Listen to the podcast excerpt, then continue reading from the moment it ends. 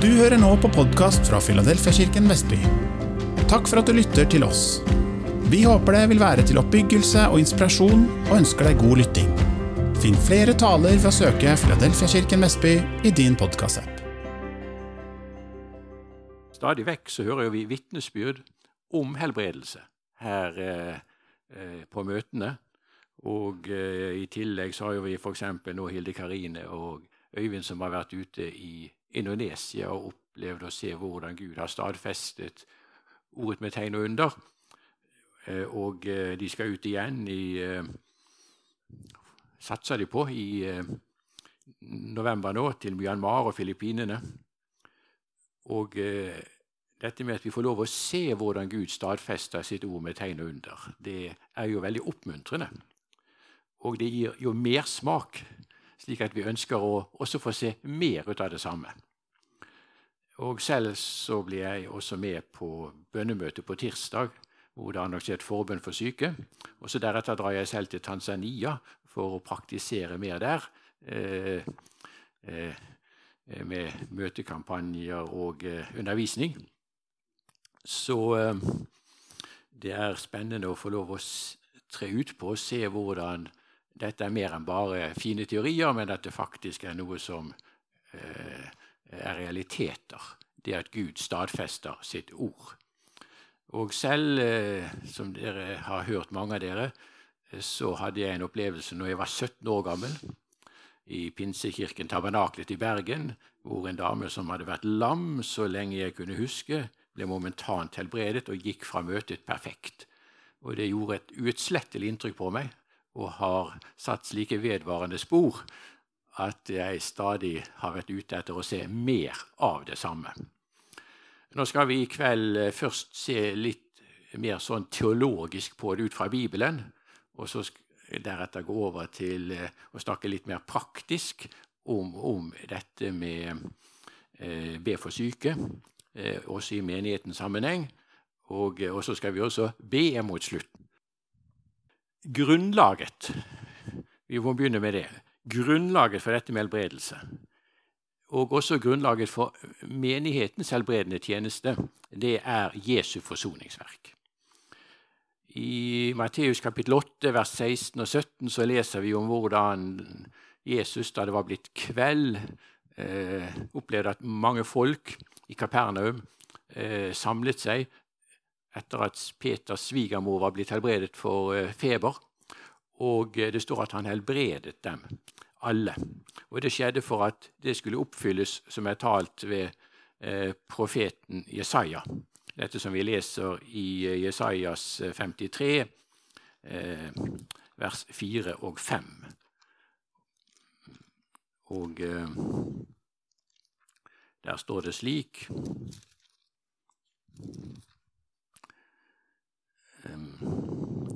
Sannelig, våre sykdommer har han tatt på seg, og våre piner har han båret. Men vi aktet ham for plaget, slått av Gud og gjort elendig. Men han ble såret for våre overtredelser, knust for våre misgjerninger. Straffen lå på ham for at vi skulle ha fred, og ved hans sår har vi fått legedom. Eh, dette refererer Matteus til når han forklarer hvorfor Jesus helbredet. Nå hadde jo Jesus ennå ikke dødd, men likevel opplevde de å bli helbredet. Så vi kan si at de ble helbredet på forskudd eh, eh, av han som skulle dø for dem, mens vi kan få lov å se tilbake på han som har dødd for oss, og som har blitt såret for våre overtredelser, og eh, ham ved vi sår vi kan bli lekt. Og eh, tilsvarende i Markus kapittel 2, denne lamme mannen som blir firt ned fra taket, og Jesus sier til ham slik at de skriftlærde blir veldig sjokkert. Dine synder er deg forlatt. Hvordan kunne han forlate syndene til den mannen? Han hadde jo ikke dødd ennå. Jo, han skulle dø for han. Og fordi han skulle dø for han, så kunne han tilsi ham syndenes forlatelse og i tillegg helbrede ham. Stå opp, ta din seng og gå. Vi får lov å se tilbake på han som har dødd for oss, mens denne mannen kan vi si, kunne se fremover mot han som skulle dø for ham. Så vi har syndenes forlatelse og også helbredelse på grunnlag av Jesu verk for oss. Og på grunnlag av det verket som Jesus utførte, så var det også slik at Guds rike kunne komme. Med Jesus så kom Guds rike. Og eh, vi har en nøkkeltekst når det gjelder dette med Guds rike, i Matteus kapittel 12, vers 28 og 29. Så la oss slå opp og, og lese også der. Um,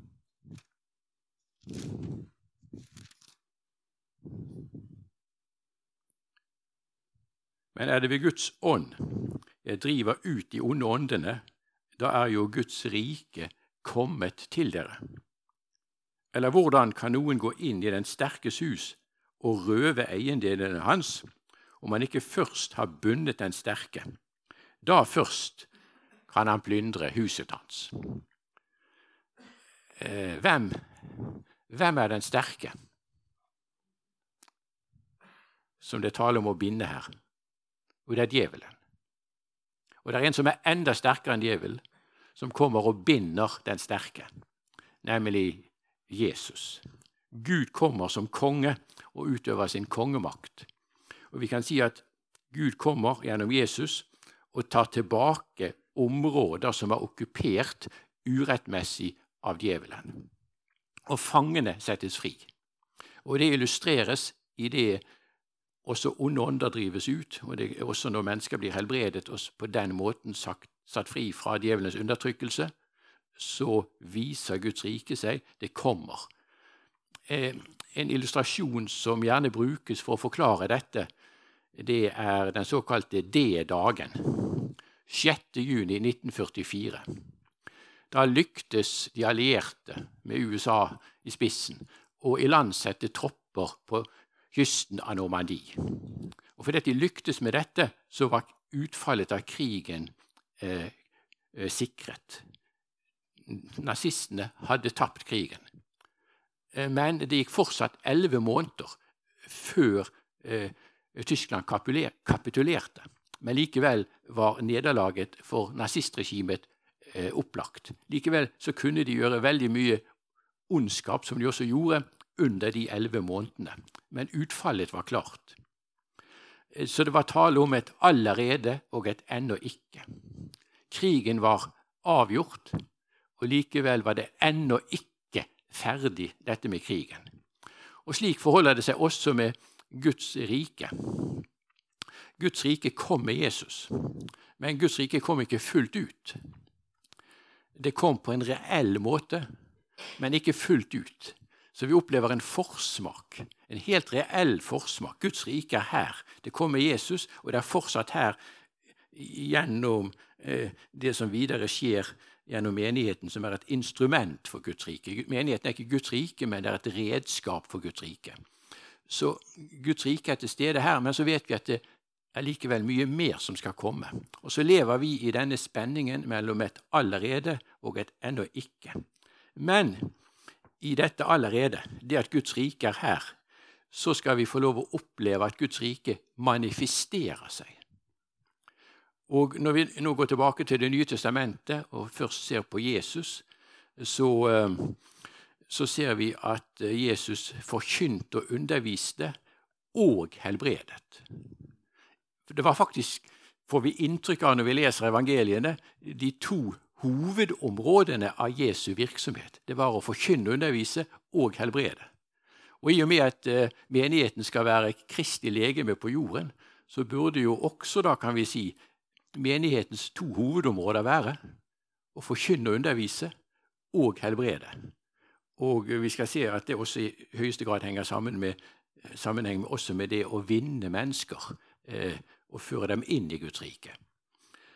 Eh, jeg har skrevet en eh, artikkel som dere kan lese eh, eh, hvis, dere, hvis, dere, vil. Jeg har eh, linken til den her, og den kan du kanskje få hvis dere vil. Det er en mer litt avansert eh, vitenskapelig artikkel om dette med helbredelse. 'Healing and Preaching' heter den på engelsk. Og jeg skal bruke noen av punktene derifra i, i det jeg videre skal si nå. Eh, den er publisert i et tidsskrift som ligger sånn eh, online-tidsskrift som ligger på nettet. Scandinavian Journal of Leadership and Theology. Eh, og eh, eh, for de som vil gå grave enda dypere, så bare nevner jeg det som en mulighet. Så når det gjelder Guds rike og helbredelse, så er det slik at forkynnelse og helbredelse eh, eh, manifesterer Guds rikes nærvær. Både forkynnelse og helbredelse manifesterer Guds eh, nærvær. Eh, vi kan eh, bare eh, tenke på den teksten vi nettopp leste. Jesus sa er det ved Guds ånd jeg driver de onde ånder ut. Det er Guds rike kommet til dere. Og Samtidig kobles dette med at Jesus forklarer og underviser. Og Grunnen til at han sa dette, var jo at han ble beskyldt for å eh, drive onde ånder ut ved Beelzebul, altså ved djevelen. Og det tilbakeviser av Jesus.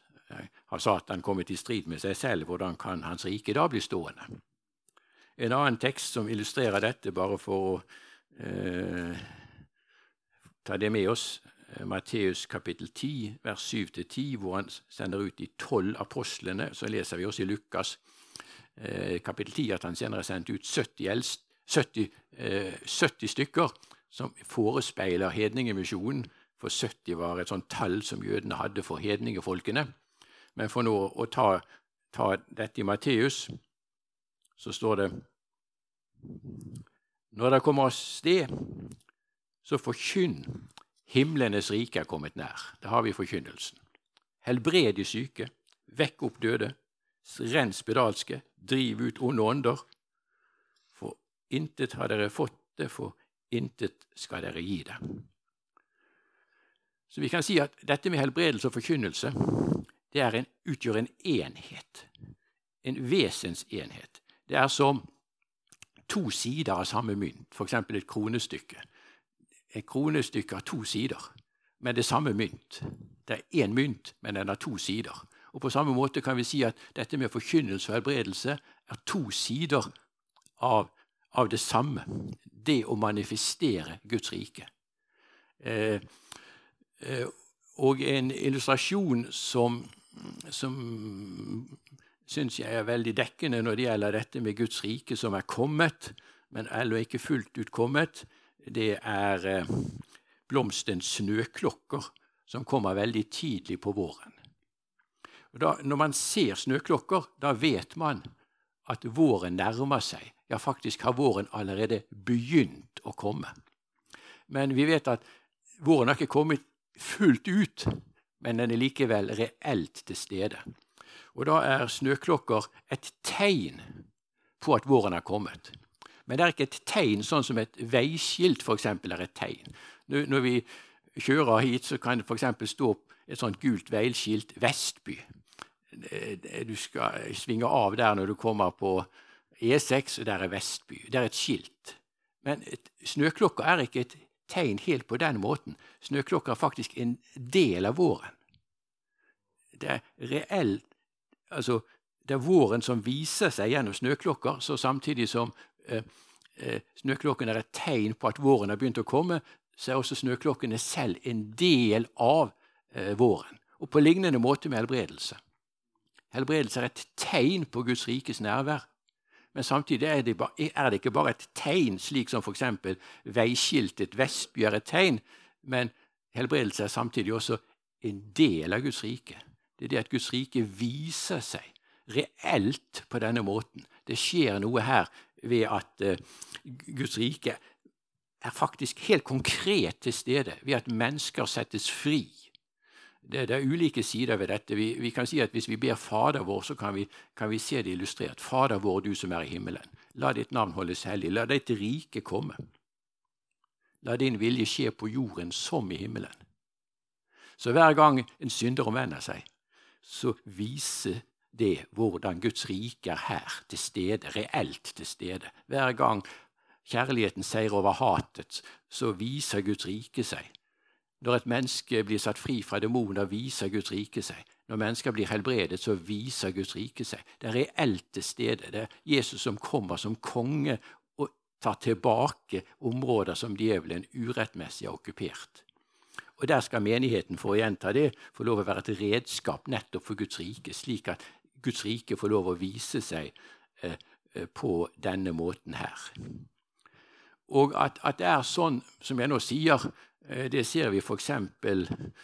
Eh, av Jesus svar til døperen Johannes når han var kommet i tvil om Jesus var den som skulle komme, eller om de skulle vente en annen. Det er tale om både et løfte og et tegn, dette med helbredelse. La oss lese eh, fra Matteus 11.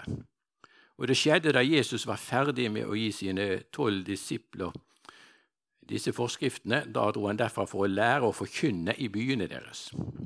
Da nå Johannes i fengselet fikk høre om Messias gjerninger, sendte han bud med disiplene sine og spurte ham, Er du den som skal komme, eller skal vi vente en annen? Og Jesus svarte og sa til dem, Gå og fortell Johannes hva dere hører og ser. Blinde ser, og lamme går omkring. Spedalske blir renset, og døve hører. Døde står opp, og evangeliet forkynnes for fattige. Det er du Messias, lurte Johannes døperen på. Og Jesus sa, han svarte ikke 'ja, jeg er det'. Han sa 'se på hva som skjer'. Blinde ser, døve hører. Evangeliet forkynnes for fattige. Det som var lovet, de løftene som var knyttet til Messias komme, løftene til Guds rikes komme, det ser dere helt konkret skje nå. Guds rike er her. Dere ser det ved det at evangeliet forkynnes for de fattige, ved det at blinde ser, døve hører osv. Guds rike manifesterer seg på denne måten. Det er to sider av samme mynt, forkynnelse og helbredelse, som flyter sammen. Og Guds rike viser seg på denne måten. Og Guds rike skulle fortsette å gå fram gjennom menigheten.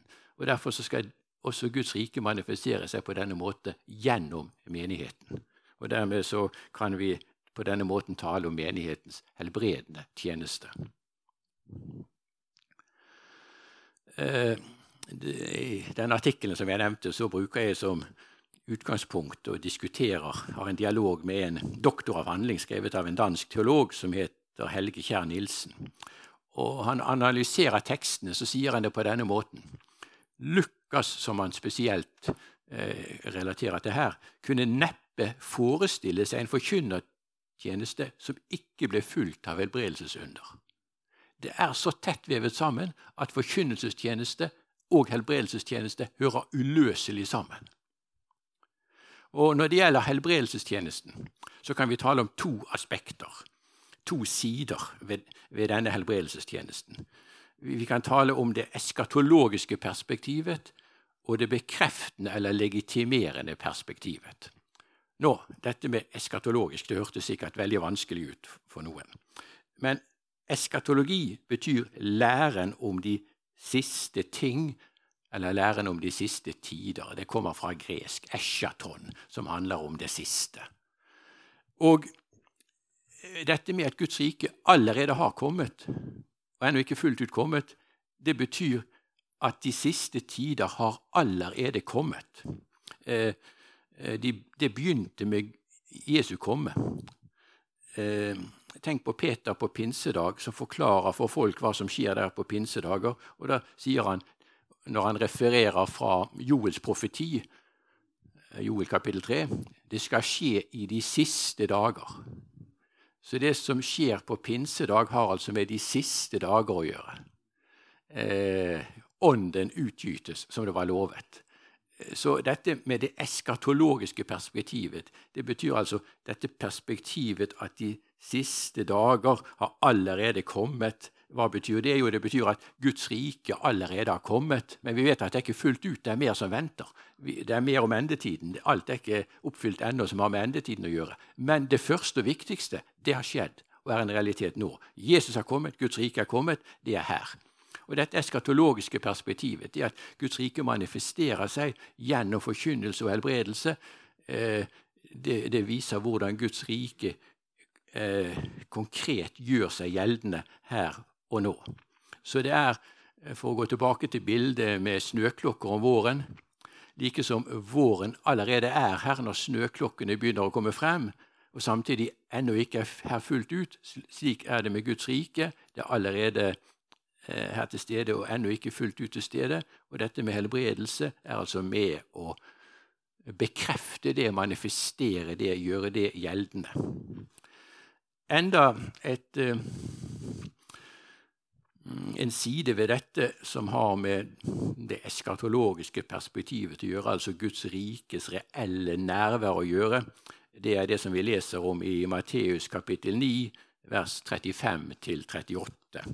Veldig kjente vers. Og Jesus sto omkring i alle byene og landsbyene. Han lærte i synagogene deres og forkynte evangeliet om riket, og han helbredet all sykdom og alle plager. Da han så folket, fikk han inderlig medynk med dem, for de var herjet og forkomne som får uten hyrde. Da sa han til disiplene sine, høsten er stor, men arbeiderne få. Be derfor høstens herre at han vil drive arbeidere ut til sin høst. Her ser vi at Jesus så på folket og følte inderlig medynk med dem. Og Det er jo også en veldig viktig side av dette med Guds rikes nærvær som manifesterer seg på denne måten. Det er Guds omsorg, Guds kjærlighet, Guds medfølelse, Guds medlidenhet med de som lider. Og det viser seg også nettopp gjennom det at han helbreder de som lider, setter dem fri fra plager. Så det er dette eskatologiske perspektivet. Det Guds rike er her, her og nå og gjør seg gjeldende, viser seg. Like som snøklokkene viser seg om våren, så viser helbredelse at Guds rike er her og nå til stede. Men så har vi i tillegg noe også veldig viktig, nemlig det bekreftende eller legitimerende perspektivet. Og det er veldig tydelig uttrykt i det siste verset i Markusevangeliet, Markus kapittel 16, vers 20. De gikk ut og forkynte overalt, og Herren virket med og stadfestet ordet ved de tegn som fulgte med. Her har vi den siden at helbredelse også bekrefter sannheten i evangeliet. Og Slik er det også faktisk med snøklokken om våren. For snøklokken om våren er et tegn på at våren har kommet. Eh, snøklokken er også eh, en del av våren. Men snøklokkene som vokser opp, bekrefter også påstanden om at våren er kommet. Hvis du sier til noen 'nå er våren kommet', ja, hvordan vet du det? Jo, se her, snøklokken har begynt å komme opp. Snøklokkene bekrefter din påstand om at våren er kommet, eller legitimerer påstanden din om at våren er kommet. Og slik bekrefter også eh, eh, tegn og under, som helbredelser, sannheten i det vi forkynner. Og Derfor har også helbredelse, og ikke minst mirakuløse, ekstraordinære helbredelser, en veldig viktig funksjon i evangelisering og misjon når det gjelder å vinne mennesker for Kristus. Og vi ser hvilken betydning det har. Eh, vi ser det ikke minst i den tredje verden, men vi ser det også her i Vesten. Og eh, når disiplene da fulgte opp Jesu tjeneste eh, forkynte, så ble ordet stadfestet på denne måten. Og En annen tekst som illustrerer dette tydelig, det er Apostlenes gjerninger kapittel 4, vers 29-31. Det var slik at de fikk forbud mot å forkynne, men de kunne ikke etterkomme et sånt påbud fordi at man skal lyde Gud mer enn mennesker. Men da samlet menigheten seg til bønn, og her er jo det de er jo et forbilde for oss. Vi, vi trues jo faktisk her i høyeste grad, til og med i Vesten, når det gjelder eh, ytringsfrihet og praksis når det gjelder eh, å, å gjøre det Bibelen sier. Eh, og da samlet menigheten seg til bønn. Så her er de også et forbilde for oss. Og hva ba de om? Jo, vers 29. Og nå, Herre, hold øye med deres trusler, og gi dine tjenere å tale ditt ord med all frimodighet. I det du rekker din hånd ut, så helbredelse og tegn under skjer, ved din hellige tjener Jesu navn. Og det, Da de hadde bedt, skalv stedet der de var samlet, og de ble alle fylt med Den hellige ånd, og de talte Guds ord med frimodighet. Var, hvorfor ba de om helbredelse og tegn under? Jo, for at ordet de forkynte, skulle stadfestes. For at det skulle demonstreres at, at det vi eh, forkynner, er sant. John Wimber, eh, som har skrevet boken 'Power Evangelism', og som jo har hatt en veldig sterk tjeneste eh, en del år tilbake, før han gikk hjem til Herren.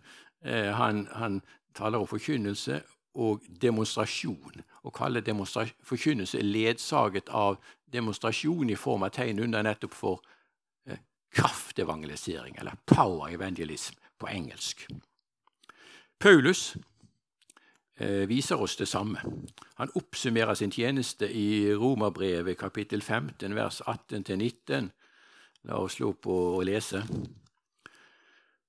Eh, han skriver jeg vil ikke våge å tale om noe annet enn det som Kristus har utført gjennom meg, for å føre hedningene til lydighet. Ved ord, der har vi forkynnelse, og gjerning. Ved kraften i tegn og under. Ved åndens kraft. Slik har jeg fullt ut kunngjort Kristi evangelium fra Jerusalem og rundt om like til Illyria. Altså, Paulus' misjonstjeneste var preget av forkynnelse og kraftgjerninger. Begge deler. Nok en gang to sider av samme mynt. Slik manifesterer Guds rike seg. Og slik skal det også manifestere seg eh, gjennom menigheten i dag, som et redskap for Guds rike. Så menigheten er, som jeg allerede har sagt, nettopp den som skal utføre dette. Og eh, hvis vi ser mer konkret på dette, så leser vi i Markus kapittel 16, vers 17-18. Disse tegn skal følge dem som tror. De skal tale i tunger, de skal drive ut onde ånder. Men det står også at de skal legge hendene på de syke, og de skal bli helbredet. Og Der bruker jeg å påpeke at det står ikke og pastoren skal legge hendene på de syke. Eller de eldste skal legge hendene på de syke. Eller diakonene skal legge hendene på de syke. Nei, det står disse tegn skal følge dem som tror. Så det betyr tror du på Jesus, så er du kvalifisert. Dette er for alle som tror på Jesus. Så for å, ta dette konkret, så er det slik at her bør hele menigheten bli aktivisert. Det er ikke bare for spesielle, men for alle som tror, er det slik at vi kan få lov å be for mennesker. Samtidig som det er sant, så er det også slik at eh, Paulus i 1. Korinterbrev kapittel 12 eh, skriver om nådegaver, ulike typer nådegaver. Visdomsord, kunnskapsord, profeti.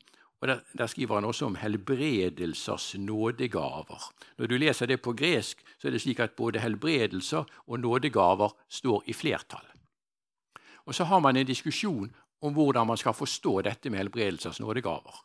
Og Bare et par ord om det eh, John Wimber nei, Ta det første tradisjonelle. Det, det, er det at man får en gave som man fungerer ganske regelmessig i. F.eks. noen får en, en, profetisk gave og fungerer regelmessig i å formidle profetiske budskap.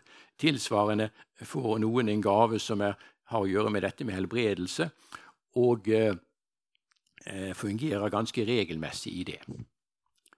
John Wimber, som jeg refererte til her i sted, som fikk en veldig sterk helbredelsestjeneste og betydde veldig mye for den karismatiske vekkelsen eh, på 1980- og 1990-tallet, han hadde en noe annen forståelse.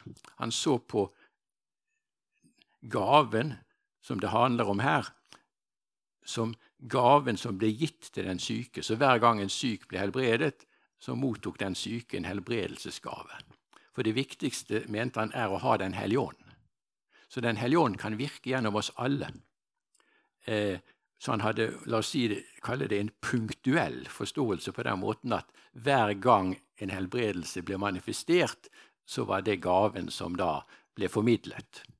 Samtidig som han sa det, så mente han at det var også dem som fikk en spesiell tjeneste på eh, ulike områder, som f.eks. da dette med helbredelse. Eh, og kanskje er det riktig å, prøve å forene begge disse to perspektivene. Altså for det er jo sånn at uh, det, det, at Den hellige ånd får virke, er hovedsaken. Og Den hellige ånd kan gi oss det vi trenger der og da. Så hvis vi er i behov av Den hellige ånd på en bestemt måte, så behøver vi ikke nødvendigvis reise til Amerika eller til Afrika for å få noen hit som har den gaven, men vi har Den hellige ånd. Og Den hellige ånd ønsker å bruke oss. Eh, så Derfor kan alle troende bli, bli brukt. Samtidig som det er sant, så tror jeg også det er riktig å si at vi kan få en tjeneste på ulike områder. Eh, som man da kan kalle også at man har en nådegave. Men med tanke nå på menigheten, for å være konkret, så tror jeg at begge disse perspektivene bør være med. Både det at alle troende kan be for syke. Du Må, det hender folk kommer til meg, ikke minst kanskje ungdommer, men også andre. 'Kan du be for meg? Jeg tror jeg skal ha helbredelsens nådegave.' Og Da kan det være at jeg svarer 'glem det'.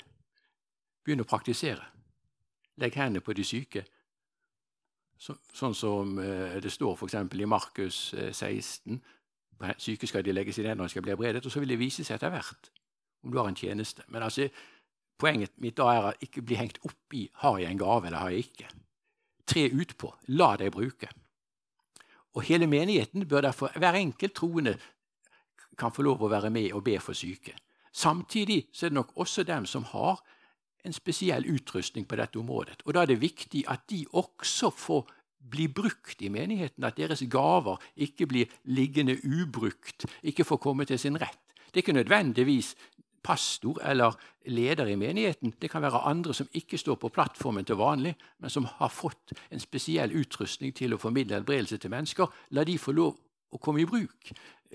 Legg til rette for at gaver kan, kan komme i bruk på ulike områder. Nå snakker vi om helbredelse i kveld. Det kan være andre gaver også. Det, jeg tror at veldig mye er, er ubrukt kapital i menighetene. Fordi at vi har et mønster som gjør at, at man ikke kommer til å la seg få bruke de, den utrustning man har. Men det er veldig viktig nettopp eh, at det får lov å skje.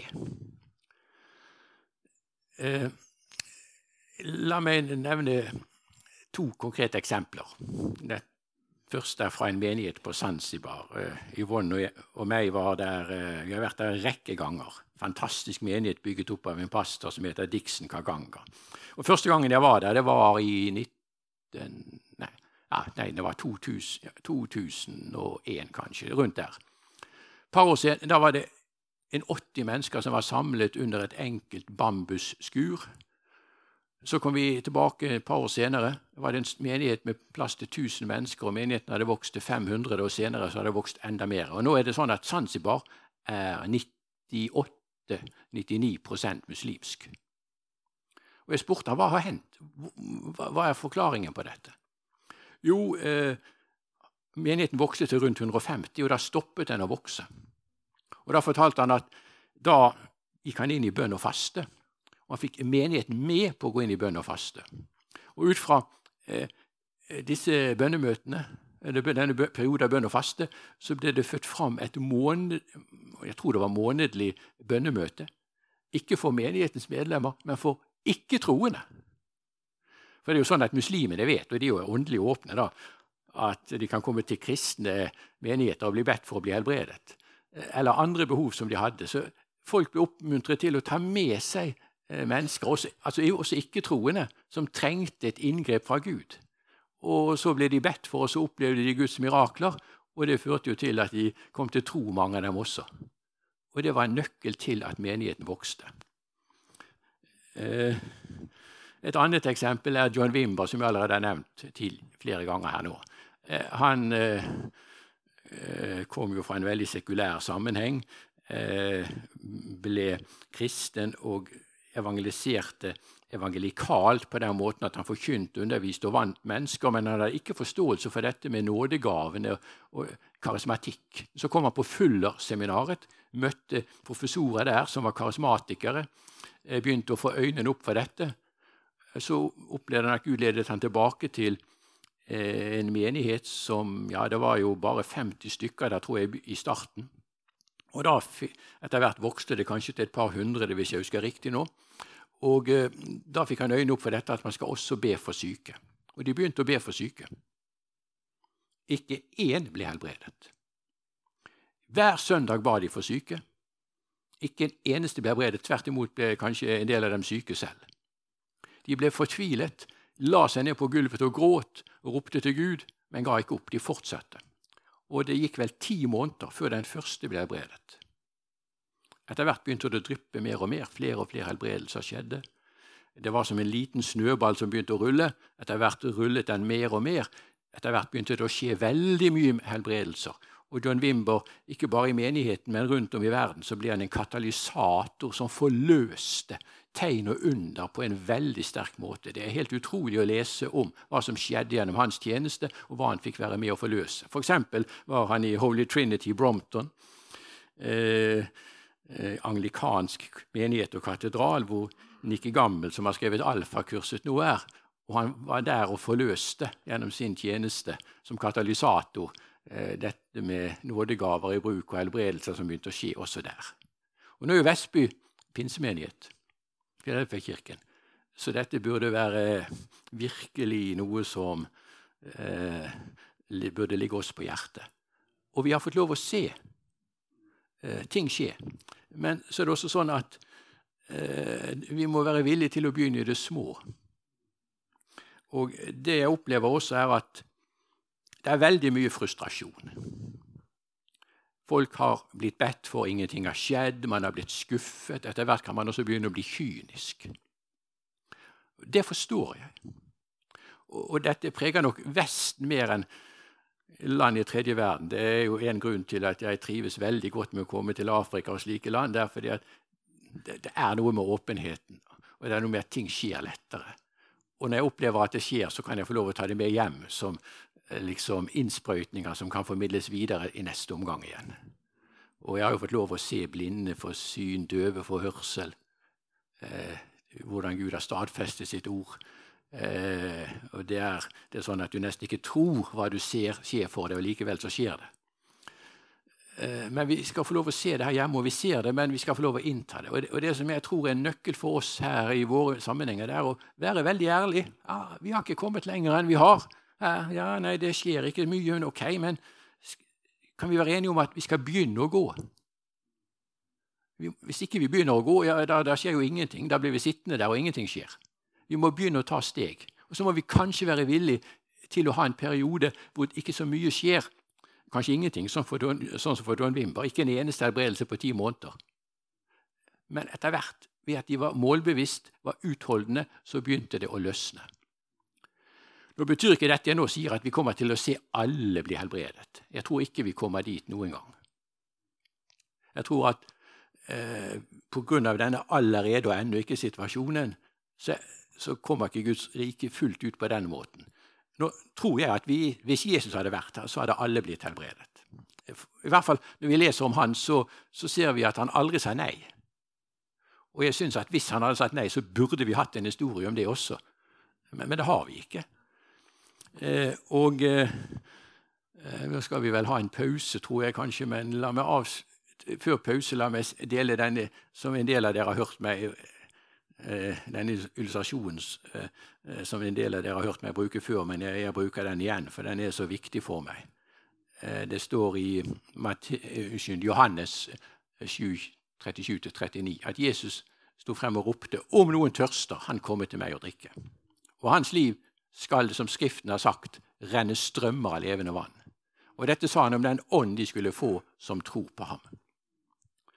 Og Da har jeg sammenlignet Jesus med en vannkanon fylt med levende vann. Vi vet jo at vann har en enorm kraft. Og en vannkanon, som jo da brukes for å roe ned demonstranter osv. Eh, hvis man står for nær vannstrålen, så kan man kastes til bakken av vannstrålen. Og Positivt brukt nå Jesus var som en vannkanon fylt med levende vann. Så snart vannstrålen fra Jesus traff den syke, så var den syke helbredet. Straks. Den onde ånden var drevet ut. Men våre rør er ikke helt som Jesu rør. Vanntrykket er ikke det samme. Det kanskje er litt rusk og rask, sand, småstein, kvister, et eller annet i rørene våre som trenger å renses ut, så vannet flyter bedre. Og så er det noe med dimensjonene på rørene. Det kan ikke bare dryppe av rørene våre. Men vi skal ikke miste motet av den grunn, for la oss huske på at det er det samme vannet som flyter gjennom dine og mine rør, som, fl som fløt gjennom Jesus. Det er den samme Hellige Ånd som virker, det er den samme Guds kraft som virker, det er det samme levende vann som virker. Og Det betyr at selv om det bare er en dråpe, så har denne dråpen en slik kraft at den kan gjøre store under. Og Derfor er det viktig at vi begynner å la oss bruke, og la disse dråpene få lov å dryppe. Og når disse dråpene får lov å dryppe, så begynner rørene å rense, så begynner mer og mer vann å flyte, og så begynner vanntrykket å øke, og mer og mer vil begynne å skje. Men vi må være villige til å ta den prosessen der som gjør at det kanskje ikke skjer alt med en gang. Vi må ikke la oss gi opp. Vi, må la oss oppmuntre det lille som skjer, istedenfor å se på alt det som ikke skjer. Så her har vi, tror jeg, en modell for hvordan vi skal få lov å la oss bruke. Dette med helbredelse det eh, gjelder jo både fysisk helbredelse, men det gjelder også emosjonell og psykologisk helbredelse. Og ikke minst det kan det være voldsomme behov for, og noen ganger kanskje vanskeligere å motta enn eh, fysisk helbredelse. Men det gjelder begge disse områdene, og i tillegg også det som har å gjøre med befrielse fra demonisk påvirkning, som også kommer inn under denne overskriften helbredelse. Når det gjelder det å formidle helbredelse, så skal vi få lov å ha Jesus som vår modell. Og Han gjorde det på ulike måter. Og Vi må ikke tenke for firkantet. Vi har kanskje nærmest den eh, forestillingen i pinsemenigheter at man kommer frem til forbønn foran plattformen, og, og, eh, så eh, ber man for en person en veldig kort bønn, og enten skjer det, eller så skjer det ikke. Men det er ikke den eneste måten det kan skje på. Eh, Jesus er vårt store forbilde. Og Vi ser at noen ganger helbredet Jesus uten å røre ved folk. Han bare sa et ord, og den syke ble helbredet. F.eks. denne romerske offiseren som sendte bud etter Jesus. Eh, men så sender han nytt bud og sier at 'jeg er ikke verdig til at du kommer inn under mitt tak', men si bare et ord, så blir min tjener helbredet. Og Jesus sa et ord, og tjeneren ble helbredet. Matteus kapittel 8. Og det er en måte som jeg har opplevd eh, som en av de måtene at Gud helbreder på. Det er eh, f.eks. gjennom kollektiv forbund. Og forunderlige ting har skjedd bare ved en enkel kollektiv forbund. Ta ett eksempel. Eh, jeg vet at hvis jeg begynner å gi eksempler, så slutter jeg kanskje ikke, men la meg ta ett eksempel. Dette var på Hedmarktoppen folkehøgskole. Jeg underviste um, Det var siste time for dagen. Ungdommer sånn rundt 20 år, og også under 20 år. De var ivrige etter å løpe til middag, som var neste post på programmet. Men jeg sa nei, vent litt, vi, vi ber først. Og temaet mitt var helbredelse. Og jeg ba en enkel bønn, og plutselig roper en ungdom ut der. Han gikk på musikklinjen og så veldig lite religiøs ut, altså med sin klesdrakt, altså. Oi, øresusen min forsvant. Hatt i to år. Sånn, bare på grunn av en Jeg var ikke i nærheten av han engang. Mange ganger har jeg ikke ant noen anelse om hva som har skjedd. Jeg må ta et eksempel til. Det var noe som jeg fikk høre da Yvonne og jeg var, eh, hadde pastorseminar inne ved Viktoriasjøen i 2019. Eh, og Der var det en pastor som fortalte hvordan hans kone var blitt helbredet noen år tidligere. Og fikk høre også hennes vitnesbyrd. Hun hadde hatt fått meslinger, veldig alvorlig. Ble innlagt på sykehuset for intensiv behandling for, eh, for mm, å bli bra fra meslingene, men hun mistet hørselen. Det vil si, hun hørte det hun ikke skulle høre, forstyrrende lyder, men ikke det hun skulle høre. Og så sto hun foran eh, eh Det var et sånn utendørsmøteopplegg. Eh, sto i forbønn foran eh, plattformen og scenen der, og mens hun sto der, så ble hun helbredet og fikk hørsel tilbake. Så det er Mange eksempler på hvordan Gud helbreder bare på den måten. altså. Så Det er en av måtene det skjer på. Jeg oppmuntrer forkynnere og pastorer til å være frimodige. Og om ikke man kan be individuelt for folk, kan man be kollektivt. Og man kan bli forbauset. Altså, jeg ante ingen anelse om at hun var blitt helbredet. Det fikk jeg høre flere år senere. Ikke sant? Eh, hva som skjer, ja, det har ikke vi alltid oversikt over. Men det er oppmuntrende å få tilbakemeldinger. da. Det er det. Eh, håndspåleggelse det er jo veldig bibelsk, og Jesus la hendene på de syke. Eh, andre ganger var det folk som trengte seg fram og rørte ved Jesus som hun som hadde hatt blødninger i tolv år. Eh, jeg har skriftstedene her. Oppfordring til å handle. Eh, Jesus smurte en deig av leire på øynene til en som var født blind. 'Gå og vask deg i dammen siloa', og det gjorde han, og da kunne han se. Johannes 9. Så har vi fortellingen om de ti spedalske. og Der er det en side ved den fortellingen som mange ikke tenker på. Da de ti spedalske ble fortalt at de skulle gå og vise seg for prestene, var de ikke helbredet. De kunne ha sett på huden sin og sagt 'hvorfor skal vi gå til prestene'? Det ville jo bli tilsvarende å gå til doktoren i dag. For prestene skulle kontrollere folks uh, hud. Nei, de måtte begynne å gå. Og mens de gikk og handlet på Jesu ord, så oppdaget de oi, vi er helbredet. Så var det bare en av dem som kom tilbake og takket. Det er den andre siden ved historien. Men de måtte faktisk handle på Jesu ord. Og jeg har merket meg altså, Når vi ber for folk, f.eks. hvis det er en ond albue eller vondt kne Eh, ikke bare be, men ja, det kan man gjøre. Men man kan også spørre hvordan er det Kan du, kan du teste litt? Grann? Eh, og, og, vi handler, og ting begynner å skje. Også ut fra det at vi begynner å handle. Eh, jeg skal komme litt tilbake til, til, til det om et øyeblikk her. Og så har vi jo dette at helbredelse og Det å formidle helbredelse kombineres med kunnskapsord, og det oppleves jo stadig vekk her i menigheten her, så det er veldig oppmuntrende.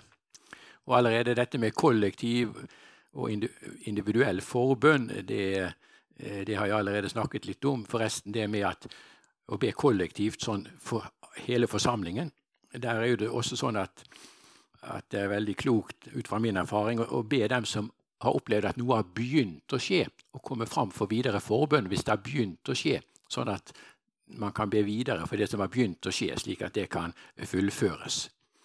Og eh,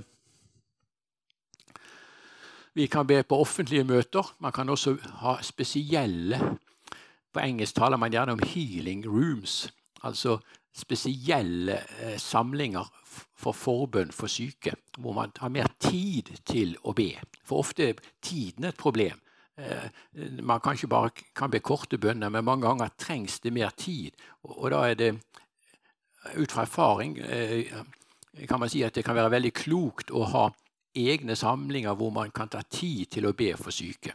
Og det har igjen noe å gjøre med det som jeg nå skal si litt mer om, nemlig at vi ser at mennesker kan bli helbredet på ulike måter når det gjelder skal vi si, hvor fort det skjer, eh, og grader av helbredelse.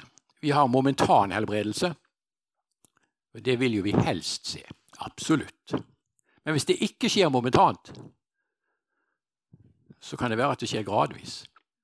Og det er jo sluttresultatet som teller. Eh, Francis McNutt, eh, eh, katolsk karismatiker, i sin bok om helbredelse, så forteller han om en ung dame som hadde et ben som var 15 cm kortere enn det andre, og sterkt forvridd. Det hadde blitt betennelse i benet eh, da hun var liten jente. Hun hadde trakket på en skarp gjenstand, og de kunne ikke gi henne den medisinske behandling hun trengte. Benet begynte å vokse på et retreat, men det bare begynte. Og så fortsatte de ukentlig med å be for henne, og hver gang de ba for henne De ba for henne ukentlig, og benet vokste mer og mer. De, over en periode på flere måneder vokset benet ut nærmest 100% Deformertheten rettet seg ut. Tærne, som hadde halvparten av størrelsen på den eh, andre foten, ja, på et par timer fikk de normal størrelse. Men det var en prosess på flere måneder. Men hvilket mirakel hvis du tok røntgenbilder osv. før og etter. Men det var en prosess. Det tok tid. Det gradvis. Eh, så ofte tror jeg det, i hvert fall i våre miljøer, så tror jeg det har vært en, en, et problem der at vi kanskje henger oss opp i at enten skjer det momentant, eller så skjer det ikke i det hele tatt. Men det kan også skje gradvis. Og hvorfor så gradvis? Ja, det kan igjen, har jeg tenkt, ha noe med vårt vanntrykk å gjøre, som ikke er helt som Jesu vanntrykk. Eh, men så har vi en historie i Bibelen hvor til og med Jesus måtte legge hendene på en syk to ganger. Det var han som var blind, som det står om i, i um, Markus kapittel 8. Og uh, de, Jesus tok han avsydes, la hendene på han og spurte ser du. Ja, jeg ser folk omkring like som trær. Ja vel. Jesus la hendene på han en gang til, og da så han klart. Og Da bruker jeg å si at hvis Jesus til og med kunne legge hendene på en syk to ganger, da kan vi også gjøre det. Jeg vil til og med påstå at vi kan gjøre det tre ganger. Eller fire, eller fem, eller ti. Hvor lang tid det tar, la det være så. Det er sluttresultatet som teller. Og Vi må kanskje være villige å se også dette med gradvis helbredelse. Det kan også være at helbredelsen påbegynner og stopper. Nå har ikke jeg sagt at jeg må stoppe, men all bedring er, det, er positiv. Bare det at en, en, tilstand som skulle bli verre og verre, stopper, og ikke, ikke den prognosen, negative prognosen fortsetter, er jo positivt, det òg. Og en bedring er positivt. ikke sant? Altså, Vi er ufullkomne redskaper. Vi ser ting delvis skje. Nok en gang, la meg komme tilbake til mitt, dette bildet mitt med vanntrykket, som ikke er som Jesu vanntrykk. Vi kan undre på hvorfor. altså. Det kan være at fortsatt forbund kunne bringe det videre. og Det er det også i høyeste grad eksempler på. Jeg husker jeg var for en kvinne som var døv borte i Russland. Jeg skal ikke ta hele den historien nå, men bare det at for første gang i livet kunne hun høre bussene, lyden av trafikken.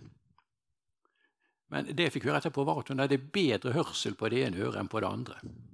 Hun hadde ikke hatt hørsel i det hele tatt. Hvorfor hørte ikke hun like bra på begge ører? Vi sier ofte dette at hvis Gud gjør noe, så gjør han det fullkomment. Ja, amen. Men vi som redskap er ikke fullkomne. Så jeg tror vi må ikke henge oss opp i dette at enten-eller. altså. Eh, vi er formidlere. Det skal passere gjennom oss. Og vi kan vokse i det å være redskaper, i å være rør som han får lov å bruke.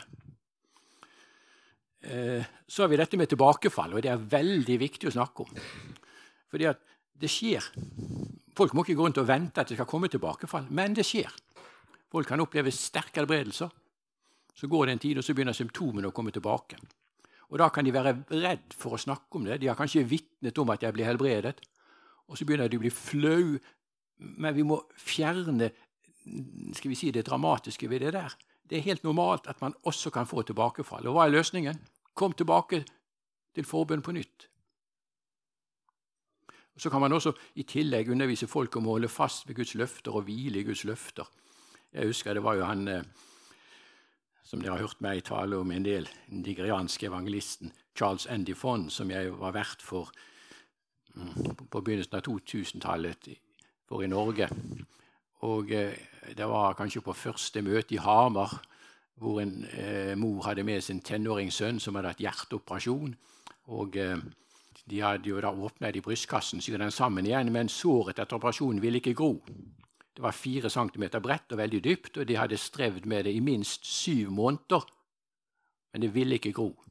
Og så husker jeg han Charles Enifon sier det skal gro på 24 timer. Jeg husker ikke om han ba for en gang. Han bare sa det skal gro på 24 timer. Og jeg tenkte med meg selv det der var dristig sagt. Det skjedde nærmest 100% Og i løpet av kort tid så var det helt borte. Men etter noen uker begynte såret å komme tilbake. Og Gutten sier til moren 'Mor, jeg tror såret holder på å komme tilbake.' Ja, det gjorde det. Men hun hvilte i Guds løfter og takket og priste ham for det, og det forsvant og kom aldri mer tilbake. Jeg husker min far. Han hadde ischias, dette langt tilbake på 70-tallet. Eh, han lå til sengs i tre uker med ischias. Eh, så var det en full gospel businessman, karismatiske vekkelsens gjennombruddstid. Terminus Hall i Bergen var fullt fra folk fra ulike kirkesamfunn. Og vi brakte min far dit. Han ble bedt for. Og han ble så bra at han gikk på jobb dagen etterpå. Han må ha blitt bedt for på en onsdag kveld. Han gikk på jobb torsdag, kom tilbake krokbrygget. I seng neste dag like dårlig. Men min mor ville ikke gi opp. Hun fikk en sånn som vi sier på engelsk 'fighting spirit'. Nei. Og søndag morgen, da de ba sammen, la hun eh, Bibelen på han. Det gikk en varme gjennom han, drev smerten ut. Kom aldri tilbake. Han slepte litt på benet eh, en ukes tid, og så var det borte. Fikk aldri det igjen. Det er noe med at vi kan få tilbakefall, ja, men det er ikke slutten på historien. Men det er viktig at vi snakker om det, at folk ikke kjenner seg flaue, men at det avdramatiseres. Ok, du fikk tilbakefall, vi ber igjen, vi står sammen. Ikke sant? Uh, ja, og så er det det at vedkommende dør. Ja, Men vi, vi, vi må være forberedt på det også. Min far døde da han var 67 år gammel. Jeg er nå snart fem år eldre, eldre enn han var da han døde. Kreft i leveren. Gikk veldig fort. Han jobbet til han fullførte eh, eh, eh det at han skulle gå i pensjon som 67-åring. En måned etter var han død. Eh, jo, vi ba. Han døde. Jeg sier ikke at Gud ville ta han hjem. Det får stå åpent. Men det jeg vet, det er at han nå er hjemme. Han eh, eh Jeg bruker ofte bildet med et stafettløp. Det er jo slik at Når man løper et stafett, f.eks. på ski, så løper hver enkelt sin etappe. Og de som har gått i mål, de kan stå og heie på de som løper neste etappe.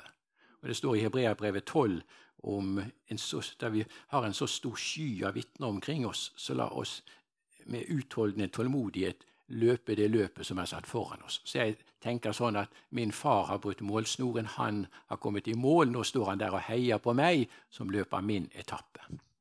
For selv om helbredelse er viktig, så er det noe som er enda viktigere, nemlig å nå det endelige målet. Så vi må ikke miste det perspektivet. Vi må ha balansen her eh, og se det på denne helhetlige måten. Er du nysgjerrig på Jesus og har lyst til å lære mer? Da er du hjertelig velkommen hos oss i et varmt og inkluderende fellesskap. For møteoversikt, aktiviteter og mye mer, se filadelfiavestby.no.